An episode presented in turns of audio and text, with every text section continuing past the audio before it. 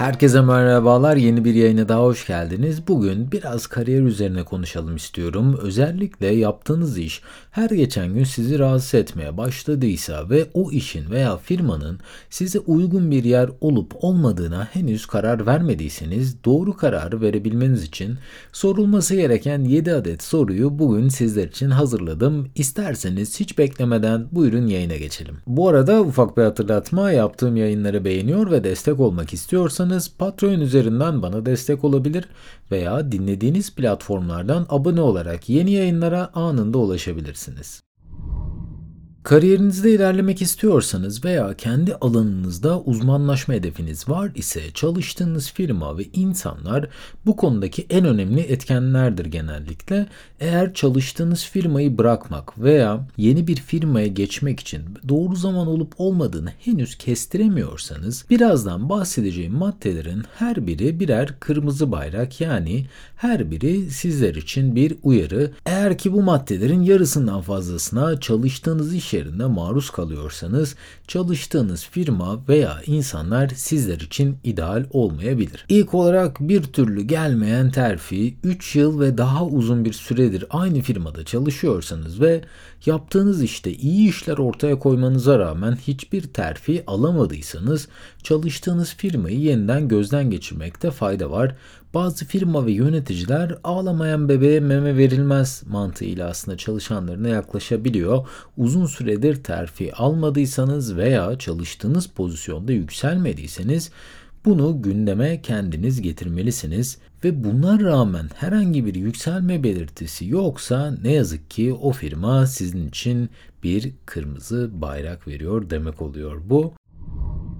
İkinci olarak düzgün geri dönüşlerin olmaması, geri bildirim alamamak, e, doğrudan yöneticiniz performansınız hakkında böyle geri bildirim sağlamıyorsa veya geri bildirim çok genel kalıyorsa ve aksiyon alınmaz bir geri bildirim ise bu organizasyonda yükselmek ve bir profesyonel olarak büyümek oldukça zor. En iyi yöneticiler kariyer gelişiminizle ilgilenir ve düzenli olarak tavsiye ve rehberlik sunarlar. Eğer sizinki sizin yöneticileriniz bunları yapmıyorsa başka bir yere bakmak için doğru zaman gelmiş olabilir. Yeni bir şey öğrenememekte listede yerini almış durumda. Eğer çok uzun süredir yeni bir şey öğrenmediyseniz veya sizi zorlayan ve geliştirmeye iten sorumluluklar almadıysanız bu da bir kırmızı bayrak diyebiliriz. İşinizde her gün yeni bir şey öğrenmiyor olabilirsiniz. Ancak temel becerilerinizi geliştirmeli ve yenilerini öğrenmelisiniz. Elbette bunu yapmak için sadece çalıştığınız yerden değil, kendi istek ve emeğinizi de dahil etmelisiniz. Örneğin yeni bir projeye dahil olmak istemek, ilgilendiğiniz kurslara kaydolmak veya alanınızda ilgili bir konferansa veya da seminere katılarak kendinizi geliştirmelisiniz. Fakat şu anki işinizde kendinizi geliştirebileceğiniz böyle fırsatlar yok ise bu şirketin kariyer gelişiminize yatırım yapma konusunda da çok ciddi olmadığının bir işaretidir diyebiliriz açıkçası. Ve listeye devam edelim. Eğer ki çok sık işten ayrılmalar oluyorsa bu da ayrı bir kırmızı bayrak belirtisidir. Meslektaşlarınız çok uzun süre firmada barınmıyorsa ve etrafınızdaki herkes özgeçmişlerini veya LinkedIn profillerini sürekli güncelliyorsa bu da sizin için bir uyarı olabilir. Hoşnutsuz çalışanların özellikle iyi çalışanların çıkış yolu aradığını ve sık sık işten ayrıldığını fark etmeye başladığınızda bu genellikle çalışmak için daha iyi yerler olduğunun bir göstergesidir ve muhtemelen başka seçenekleriniz vardır. Tabii ki kimseyi körü körüne sürüyü takip etmeye teşvik etmiyorum ancak bunu bir uyarı işareti olarak alın ve ayrılan arkadaşlarınıza neden devam etmemeyi tercih ettiklerini sorun. Yanıtları sizin durumunuz için de geçerli olabilir. Ve eğer ki piyasa değerinizden az kazanıyorsanız bu da başka bir kırmızı bayrak. Çoğu kişi iş arama sürecinde özellikle çalışacağı ücreti kırmaya çok fazla eğilimli oluyor. İşi kapabilmek için bu tür bir tavır sergilediyseniz de e, kendi piyasanızı yine de araştırmakta fayda var. E, Payscale.com'un yaptığı ankete göre çalışanların %25'inin işten ayrılma sebebi hak ettikleri paranın karşılığını alamamakmış.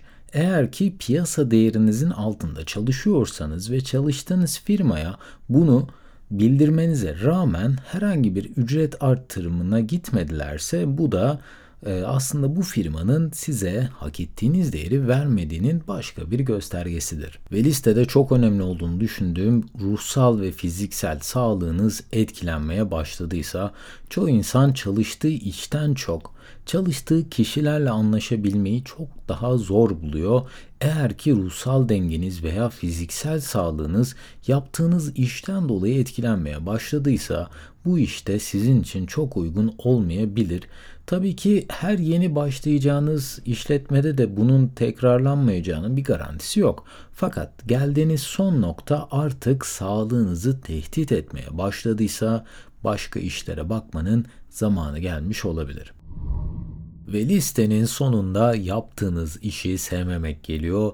Bununla ilgili aslında pek çok yayın yaptım. Her iş size uyacak veya çalıştığınız her işi seveceksiniz diye bir şey kesinlikle yok. Dünyada milyarlarca insan yaptığı işi sevmiyor. Fakat geçim kaygısından dolayı çalışmaya devam ediyor. Şu an yaptığınız işi siz de sevmeyebilirsiniz ve yarın o işten ayrılmak da söz konusu olmayabilir.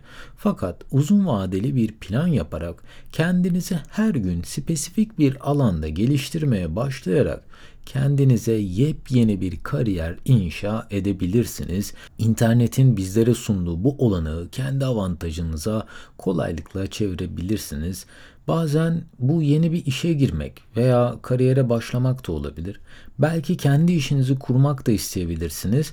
Bunun da en güzel yolu o alanda başarılı olmuş insanları araştırmak, okumak ve onlarla iletişime geçebilmek ve yeni bir iş kurmak veya kendinize farklı bir kariyer yaratmak için en doğru zaman tabii ki çalıştığınız zaman. Çünkü gelir kaygısı yaşanılan dönemlerde bir insanın kendini geliştirmeye çalışması veya yeni bir iş kurması oldukça zor.